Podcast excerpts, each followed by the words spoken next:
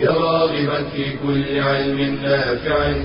ينمو العلم ويتقدم بتقنياته ومجالاته ومعه نطور أدواتنا في تقديم العلم الشرعي.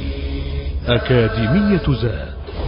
زاد أكاديمية ينبوعها. صاف صاف ليروي غلة الظمآن. هذه عقيدتنا الصحيحة فطرة. تنفي الشكوك بواضح البرهان. بشرى لنا ذات أكاديمية للعلم كالأزهار في البستان. السلام عليكم ورحمة الله وبركاته. الحمد لله رب العالمين والصلاة والسلام على أشرف المرسلين محمد وعلى آله وصحبه أجمعين. اللهم إنا نسألك علما نافعا وعملا صالحا وقلبا خاشعا ولسانا ذاكرا. اللهم علمنا ما ينفعنا وانفعنا بما علمتنا واجعله حجة لنا ولا تجعله حجة علينا يا رب العالمين. حياكم الله طلاب العلم في الحلقة الرابعة من حلقات مادة العقيدة المستوى الرابع. في هذه الحلقة في هذه المحاضرة بمشيئة الله سنتحدث عن موضوع بعنوان كيف تكون عابدا لله سبحانه وتعالى دون ابتداع. كما تعلمون أن الواجب علينا تجاه الله سبحانه وتعالى هو العبودية الخالصة. العبودية الخالصة بما جاء به رسول الله صلى الله عليه وسلم في جميع مناحي الحياة. فيجب علينا أن أن نعبد قلوبنا لله سبحانه وتعالى بما شرع الله. الواجب علينا أن نعبد عقولنا لله سبحانه وتعالى بما شرع الله. الواجب علينا أن نعبد جوارحنا لله سبحانه وتعالى بما شرع الله. نبدأ أيها الأحبة في الله بكيفية إصلاح القلب، كيفية تعبيد القلب لله سبحانه وتعالى. إذا أردنا أن نعبد قلوبنا لله فإننا نحتاج مع قلوبنا إلى أمرين اثنين. الأمر الأول هو التخلية والأمر الثاني هو التحلية. التخلية المقصود بها أن نخلي قلوبنا من جميع النيات الخبيثة. نخلي قلوبنا من الشرك بالله. شرك المحبة شرك الخوف شرك الرجاء شرك التوكل. نخلي قلوبنا من جميع أنواع الشرك. نخلي قلوبنا من النفاق والعياذ بالله. نخلي قلوبنا من الرياء. نخلي قلوبنا من إرادة الدنيا أي من المخلوقين بالأعمال الصالحة أي ولا يكون لنا هم في الآخرة. نخلي قلوبنا من الكبر نخلي قلوبنا من الحسد نخلي قلوبنا من البغضاء نخلي قلوبنا من جميع النيات الخبيثة. ثم نملأ هذه القلوب نملأها بالنيات الطيبة. التي أمرنا الله سبحانه وتعالى وشرعها لنا نملأ قلوبنا بهذه النيات الطيبة. نملأ قلوبنا بأركان الإيمان الستة الإيمان بالله والملائكة والكتب والرسل واليوم الآخر. نملأ قلوبنا بالإيمان بالقدر خيره وشره. نملأ قلوبنا بحب الله والخوف من وعيد الله والرجاء في ثواب الله. نملأ قلوبنا بالتوكل على الله الرضا بالله ربا وبالإسلام دينا وبمحمد صلى الله عليه وسلم رسولا. نملأ قلوبنا بالصبر نملأ قلوبنا بمحبة المؤمنين نملأ قلوبنا بالتواضع لله سبحانه وتعالى. هكذا نصبح عبدنا قلوبنا لله ونحذر من البدع في الإصلاح القلبي. نحذر من أن نملأ قلوبنا بشيء من البدع. ونتقرب إلى الله سبحانه وتعالى بهذه البدع. هذا لا يجوز. مثال. نحذر من أن نتعبد لله بالحب وحده. كما يفعل البعض. يتعبدون لله سبحانه وتعالى بالحب وحده دون خوف ودون رجاء. هذا هذا يعتبر تعبد إصلاح قلبي بدعي. كذلك الظن بأن الله سبحانه وتعالى من عدله أنه يعذب من اتقاه من ظن أن الله سبحانه وتعالى من مات موحدا تائبا الله عز وجل يعذبه فقد ظن بالله ظن السوء. فكيف يتعبد الإنسان لله بظن السوء به في وعده؟ كذلك أيها الأحبة أن نتعبد لله بالحب لكن كمحبة العشيق لعشيقه هذا من البدع ويجب أن نحذر أن نحذر من التعبد لله سبحانه وتعالى بالمحبة العشقية كذلك تسمية إصلاح القلب بغير ما سماه الله سبحانه وتعالى حب الله الخوف إنما نسمي هذه هذا الأمر بتصوف نسميه بشيء من من هذه التسميات المبتدعة التي هي تسميات مجملة تحتمل حقا وباطلا يبتعد الإنسان عن ذلك. كذلك أن نتعبد لله بالظن بأن من تعظيم الله جل جلاله ألا نتوجه إليه مباشرة بالدعاء بل نتخذ الشفعاء والوسطاء بيننا وبين الله ندعوهم نذبح لهم ننذر لهم نستعيذ بهم نستغيث بهم ليشفعوا لنا عند الله الظن بأن هذا هو من تعظيم الله ونتعبد لله بذلك. هذا من البدع التي يقع فيها بعض الناس يجب أن نتخلص من ذلك. كذلك الوقوع في الشرك في الربوبية بدعوى الكرامة للأولياء. نعتقد أن الله قد أعطى هؤلاء الموتى آه، بعض أمور تدبير الكون.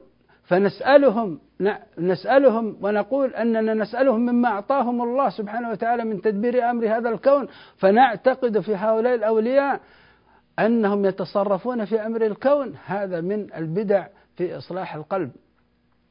ننتقل أيها الأحبة في الله إلى السلوك. كيف نصلح سلوكنا؟ نعبد جوارحنا لله سبحانه وتعالى. نعبد جوارحنا لله جل جلاله بالكف وبالعمل. بالكف أن نكف جوارحنا عن جميع أنواع الشرك. شرك الذبح شرك النذر شرك الشرك المتعلق بالجوارح شرك الطواف بغير بيت الله بنية التعبد للمطاف به ونحو ذلك كما يطاف بالكعبة. هذا هذا أي شرك يتعلق بالجوارح يجب على الإنسان أن يتخلص منه ويتعبد لله جل جلاله بالكف عن ذلك. الكف عن أنواع البدع. يتوجه الإنسان إلى المقابر ويتعبد لله سبحانه وتعالى عند القبور رجاء قبول عبادته. هذا يجب أن يكف الإنسان نفسه عن ذلك. يكف الإنسان نفسه عن معصية الله جل جلاله. وبعض الناس يقع في تلك المعاصي. كالاحتفال بالمولد النبوي وهو يظن أنه يتعبد لله سبحانه وتعالى بذلك. يكف الإنسان بدنه. يجب أن نكون عبيدا لله في جوارحنا بكف هذه الجوارح عن الشرك وعن البدعة وعن المعصية. ثم نعمل بهذه الجوارح في الإتيان بما افترضه الله سبحانه وتعالى علينا. نستكثر من النوافل. نعمل بجوارحنا في إصلاح دنيانا بنية بنية صالحة لتكون كل عمل نقوم به في هذا في هذه الدنيا عبادة لله جل جلاله. بر الوالدين صلة الأرحام حسن الخلق مع الجيران العمل والكد والكدح ترجو به وجه الله تكون عابدا لله جل جلاله. اجعل حياتك كلها في طاعة الله سبحانه وتعالى. كل أعمالك المباحة والعاديات حولها إلى عبادات بهذه النية الصالحة. هكذا أنت تكون عبدت جوارحك لله جل جلاله. تنتبه من البدع المتعلقة بالسلوك. تبتعد عن ذلك. فمثلا لا ليس بشرط حتى تكون عابدا لله أن تتخذ ملابس معينة مختلفة عن ملابس الناس حتى تظهر أنك عابد لله جل جلاله. فتتخذ لباس معين تتخذ ربطة معينة على الرأس تتخذ لون معين. هذا هذا من البدع لا يحتاج ذلك. حتى تكون عابدا لله لا يحتاج أن تتميز عن الناس بلباس خاص تسمي هذا لباس العباد. كذلك أن تنقطع انقطاعا كاملا عن الدنيا تعبدا لله وترى أن بهذا تصلح آخرتك. هذا من التعبد لله سبحانه وتعالى بالبدع. اتخاذ أماكن للعبادة غير المساجد والخلوة فيها. تتخذ الكهوف تتخذ المغارات تتخذ أشياء من هذا القبيل ثم تتعبد لله سبحانه وتعالى فيها. هذا من اتخاذ أماكن من اتخاذ أماكن يتعبد فيها هذه الأماكن لم يرد في الشرع أنها مخصوصة بتلك العبادات. ابتداع عبادات أذكار بهيئات معينة هذا كله من البدع في إصلاح السلوك ينبغي لنا أن نجتنب ذلك كذلك إهمال العمل بالأسباب يترك الإنسان العمل بالأسباب ويقول أنا معتمد على الله سبحانه وتعالى مفوض أمري إلى الله وهو متواكل وهو ليس بمتوكل على الله.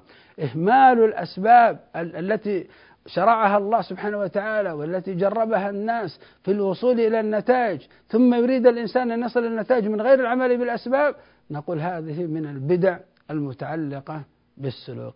نأخذ فاصل ثم نعود إليكم مرة أخرى. جزاكم الله خير. بشرى لنا أكاديمية للعلم كالأزهار في البستان.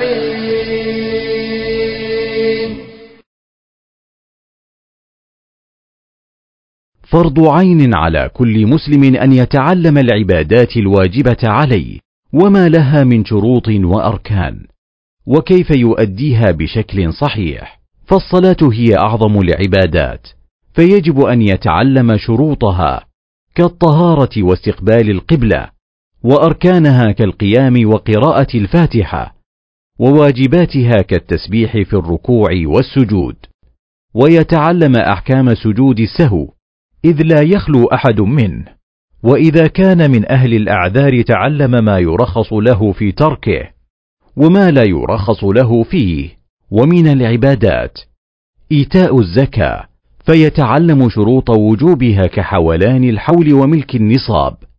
ويعرف الأموال التي تجب فيها الزكاة كالنقدين وبهيمة الأنعام. ويتعلم النصاب الذي تجب فيه الزكاة. والمقدار الذي يجب إخراجه كربع العشر في النقدين وعروض التجارة ويعرف من يستحق الزكاة ومن لا يستحقها ومنها صوم رمضان فيتعلم أركان الصيام وشروط صحته وما يبطل الصيام كالاستقاءة والاستمناء وما لا يؤثر عليه كالسواك والطيب. ومنها حج البيت فيتعلم أركانه كالطواف والسعي.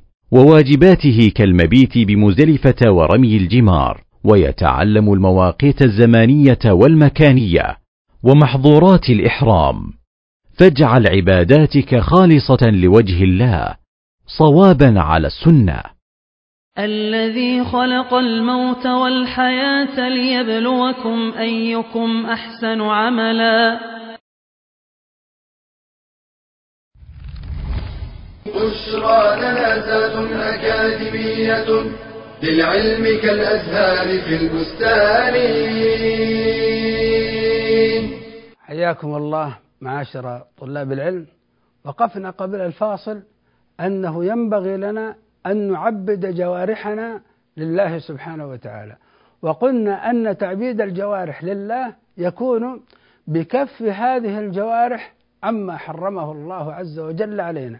نكف هذه الجوارح عن الشرك بالله عن الابتداع في دين الله عن الوقوع في معصية الله لتكون جوارحنا عابدة لله.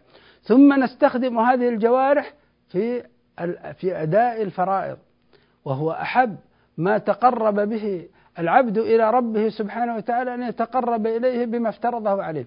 ثم نستكثر من النوافل.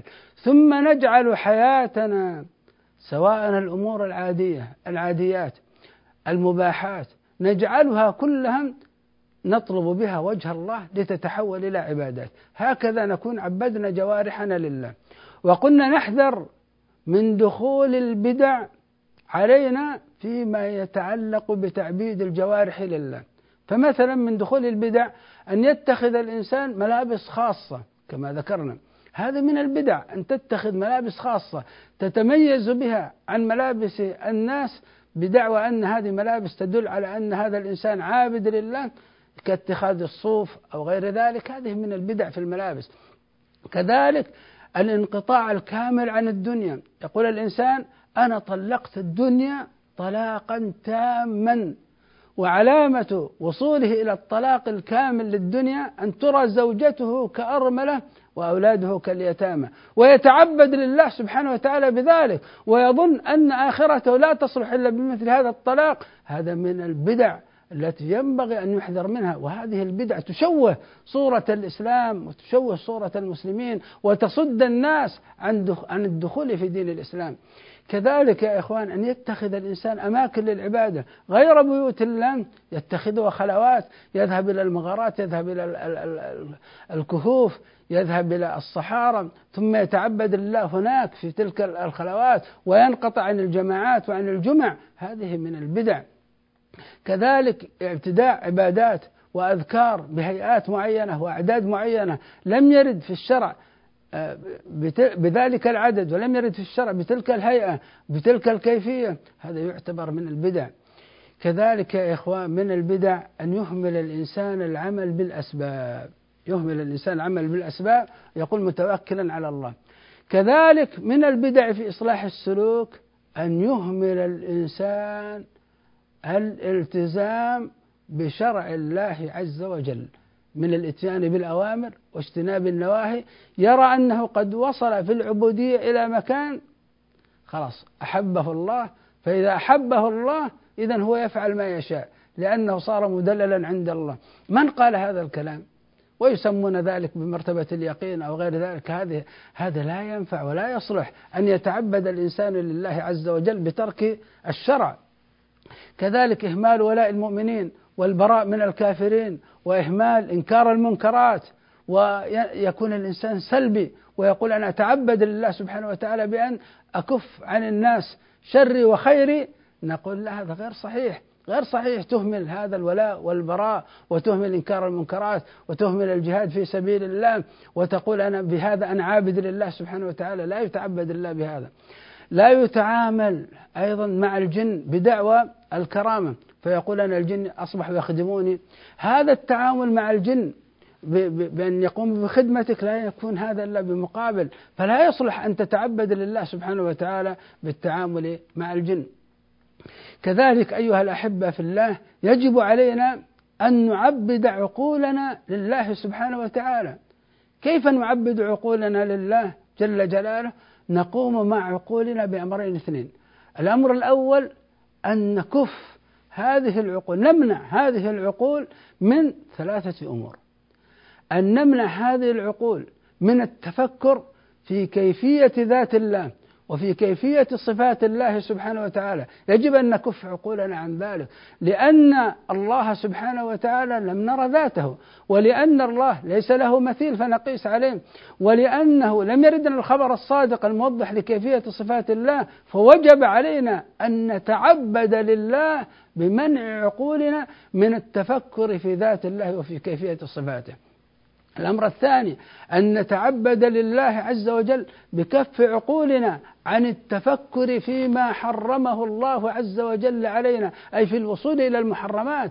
لا يصلح أن يستلقي الإنسان على ظهره ويتخيل الصور العارية يتخيل كيف يصل إلى آه، معاملة ربوية معاملة محرمة كيف يسرق مال كيف. لا يصلح هذا. يجب أن نتعبد لله عز وجل بكف عقولنا عن التفكر في الوصول إلى ما حرمه الله عز وجل علينا. كذلك أن نكف عقولنا عن التفكر في العبادات التي حكمتها تعبدية. فنتفكر في حكمتها. لماذا صلاة الفجر ركعتين وصلاة المغرب ثلاث؟ ما الحكمة من ذلك؟ لماذا نطوف حول الكعبة سبعة أشواط؟ هذه عبادات حكمتها تعبدية. حتى تكون عبدا لله أن تتعبد لله. بذلك العدد بذلك الزمن في ذلك المكان بتلك الكيفية تكون عابدا لله. ولا تبحث عن الحكمة طالما أن تلك الحكمة لم يرد ذكرها في الشرع. أخفاها الله عز وجل عن علينا في الشرع. فلا يصلح للإنسان أن يعمل عقله في ذلك. فمن التعبد لله أن تمنع عقلك عن هذه الأمور الثلاثة. عن التفكر في ذات الله وكيفية صفاته عن التفكر في العبادات التي حكمتها تعبدية فتتفكر في حكمتها. أن تتفكر في الوقوع في المحرمات لا تعبد لله بمنع عقلك عن ذلك. ثم تعبد لله عز وجل بتشغيل عقلك في طلب العلم الشرعي. هذا من أعظم العبادات. أن تتعلم دين الله جل جلاله. ما أمرك الله عز وجل به ما نهاك الله عز وجل عنه ما أخبرك الله عز وجل به. فستتعلم خبر الله فتؤمن به وتتعلم ما طلبه الله فتمتثله فعلا أو تركا.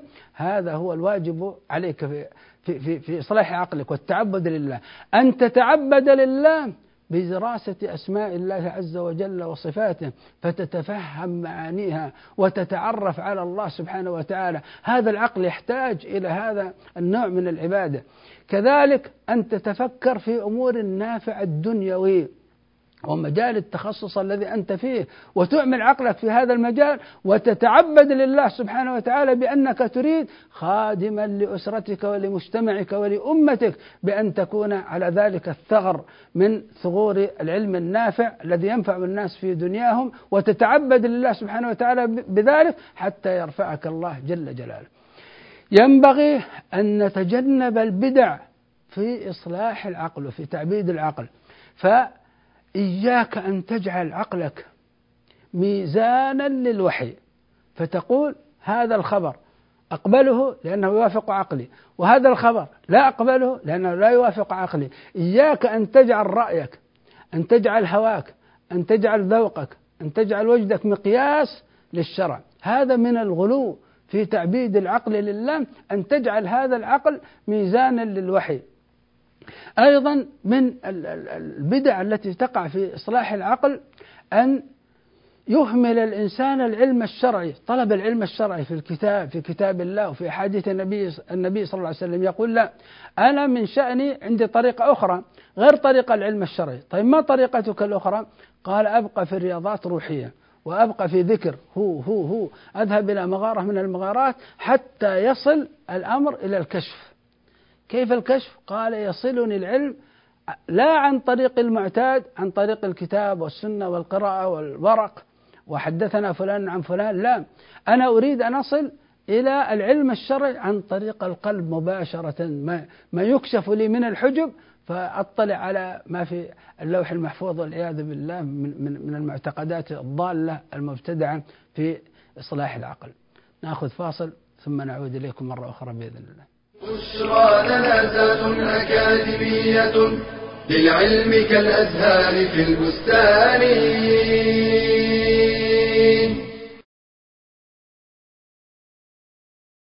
إذا كنتم ثلاثة فلا يتناجى اثنان دون صاحبهما فإن ذلك يحزنه. أدب يعلمنا إياه نبينا صلى الله عليه وسلم من خلال النهي عن التناجي. وهو أن يستأثر اثنان بالحديث سرا دون الثالث أو ثلاثة دون الرابع أو أربعة دون الخامس. وهكذا.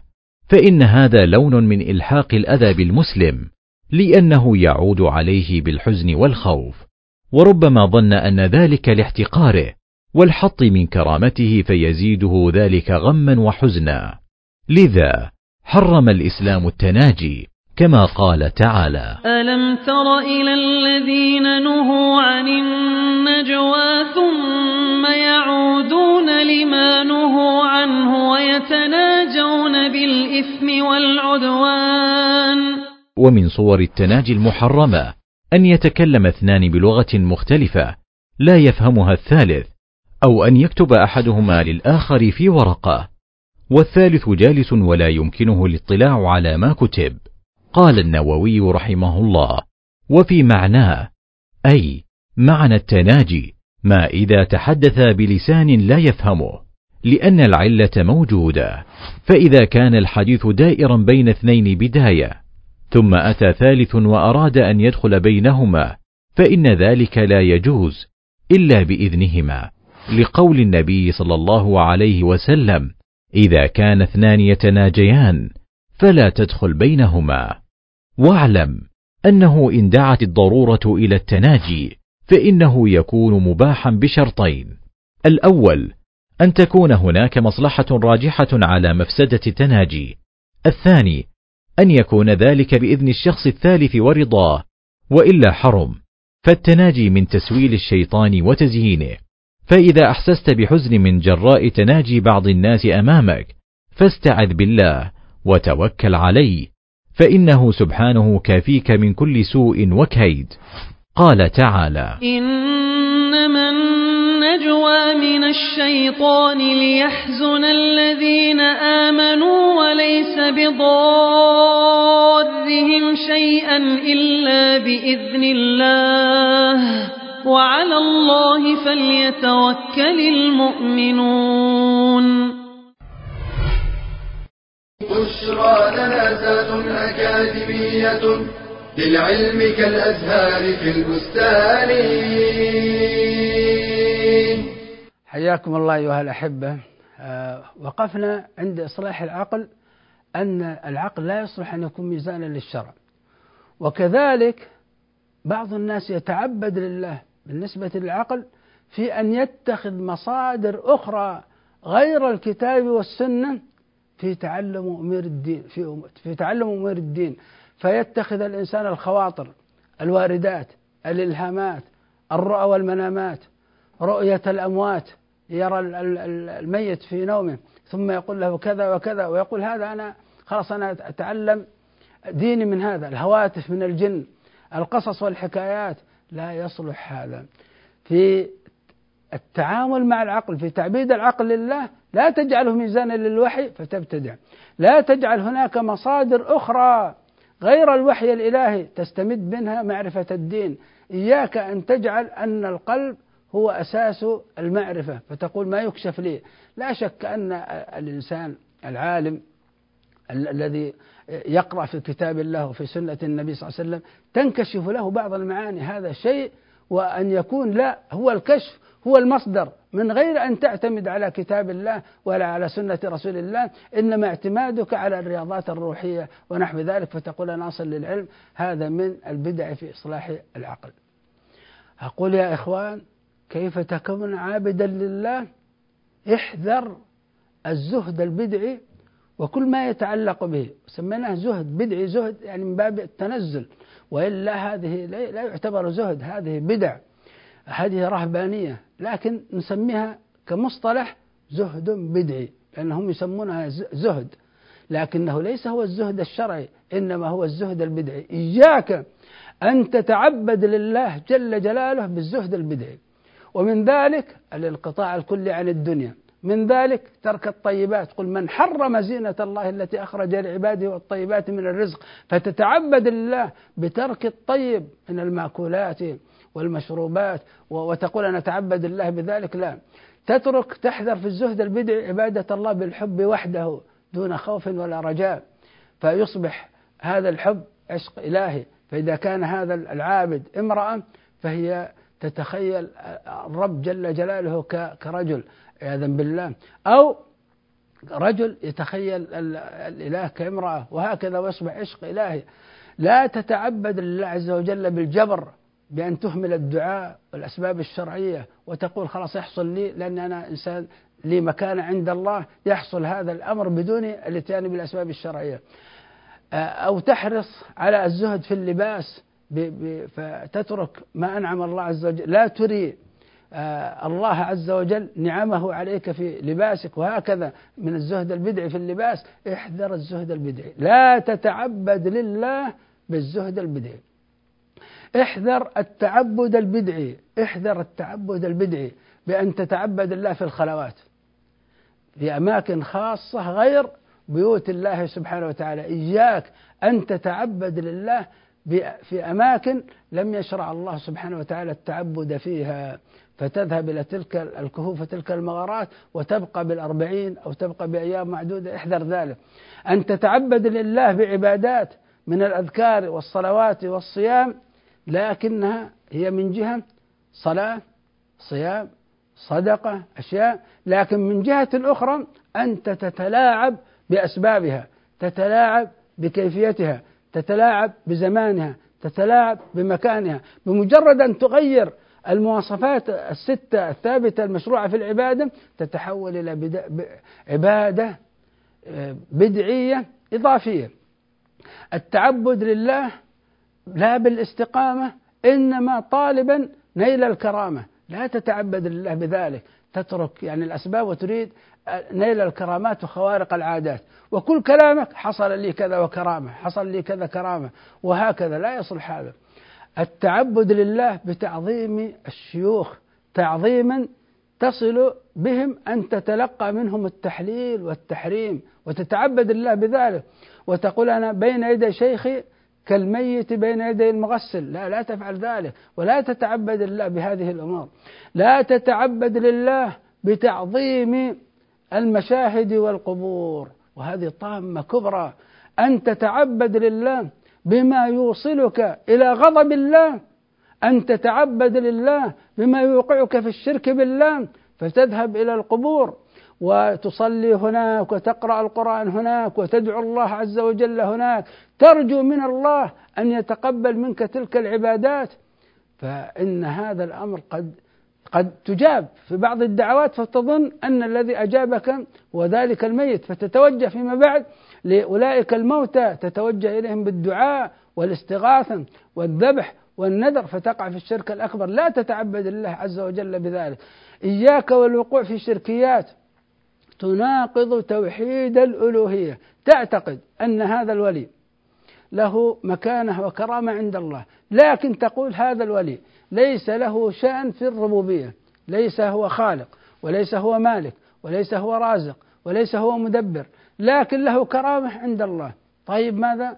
فأنا أتعبد لله بأن آتي إلى هذا الميت فأذبح له أنذر له أستعيذ به أستغيث به من أجل أن يشفع لي عند الله. هذا هو فعل المشركين الأوائل. احذر من ذلك. وأنت تظن أنك معظم لله. حتى قال بعضهم أنتم تعظمون ملوك الدنيا أكثر من تعظيمكم لله. قيل لهم كيف ذلك؟ قال إذا جاء الواحد منكم إلى ملوك الدنيا أخذ له شافع شفيع أخذ له واسطة أما إذا جئتم إلى الله وأنت إنسان يعني ليس لك كرام ليس لك مكانة عند الله كبيرة. تأتي إلى الله مباشرة وتقول يا الله اغفر لي يا الله ارزقني يا الله رد غائب يا الله اشفي مريضي. هكذا من غير واسطة من غير شفيع. أن يقول أنتم تعظيمكم لملوك الدنيا أكثر من تعظيمكم لله. استغفر الله. وهل الله جل جلاله يحتاج في العبادة إلى شفيع وإلى وسيط؟ هل الله سبحانه وتعالى لا يعلم حال عباده ولا يعلم احتياجهم؟ الملك هل يعلم حال الناس؟ هل يعلم صادقهم من كاذبهم؟ الملك هؤلاء الشفعاء الذين شفعوا عنده هو يحتاجهم ولذلك عندما يشفعون لا بد أن يجيب هذا ويجيب هذا أما يردهم في كل مرة لا لا يمكن ذلك لن يعملوا معه. أما الله سبحانه وتعالى فهو غني عن عباده. ينبغي للإنسان أن لا يقع في مثل هذه الشركيات ويتعبد لله سبحانه وتعالى بذلك. نختم هذا الدرس بالنشاط الموجود عندكم في المذكرة وهو يتعلق بهذه الأسئلة. بين خطر البدعة مستعينا بأبحاث خارجية مع التمثيل لبدع من الواقع. أريد منكم وأنت تجيب على هذا السؤال أن أن تبشع البدعة إلى نفسك تبغض البدعة إلى نفسك وتنظر إلى المبتدع بصورته الحقيقية أن هذا المبتدع مفتري أن هذا المبتدع بعيد عن الله. يجب أن نبشع صورة المبتدع وصورة البدعة في نفوسنا ونبغضها إلى نفوسنا تبغيضا كبيرا. اشرح باختصار الطريقة التي يمكن بها معرفة البدعة مخاطبا صاحب بدعة بذلك. كيف تجيب؟ تقول ننظر إلى البدعة هل هي في الدين أم في الدنيا؟ فإذا كان في الدنيا هذا ليس داخل في هذه بدعة لغوية. وإذا كان في الدين ننظر إلى السبب المقتضي لإيجادها. فإذا كان السبب المقتضي لإيجاد هذه البدعة كان موجودا في عهد النبي صلى الله عليه وسلم ولم يحض عليه ولم يفعله ولم يفعله الصحابة فيكون هذا هذا الأمر بدعة أما إذا كان السبب المقتضي لإيجادها لم يكن موجودا في عهد النبي صلى الله عليه وسلم لكنه نتج بسبب تقصير المسلمين في الإتيان بالأمور الشرعية فهذا يعتبر محرم وبدعا. لكن إذا لم يكن ناتجا عن تقصير المسلمين غالبا هذا يكون من باب المصالح المرسلة. ما وجه كون البدعه خطرا كبيرا على الدين؟ تجيب على هذا وهذا يدخل في الأول. هذا يبغض للنفس هذه البدع. ما الأصل في العبادة؟ المنع من الإباحة؟ معلل موضحا ما تقول. ما الفرق بين البدعة الحقيقية والإضافية؟ وأيهما أشد خطرا على الدين؟ وما المراد بالبدعة الكلية؟ أرجو أن تجيبوا على هذه الأسئلة ليكون موضوع البدعة يعني محاط به على حسب ما عندكم من مذكرة قدر الاستطاعة. وجزاكم الله خيرا. أسأل الله عز وجل بأسمائه الحسنى وصفاته العلى أن يجعلني وإياكم من أهل السنة وأن يجنبنا البدعة. وصلى الله وسلم وبارك على عبده ورسوله محمد وجزاكم الله خيرا. يا راغبا في كل علم نافع متطلعا لزيادة الإيمان. وتريد سهلا النوال ميسرا يأتيك ميسورا بأي مكان. زاد زاد أكاديمية ينبوعها.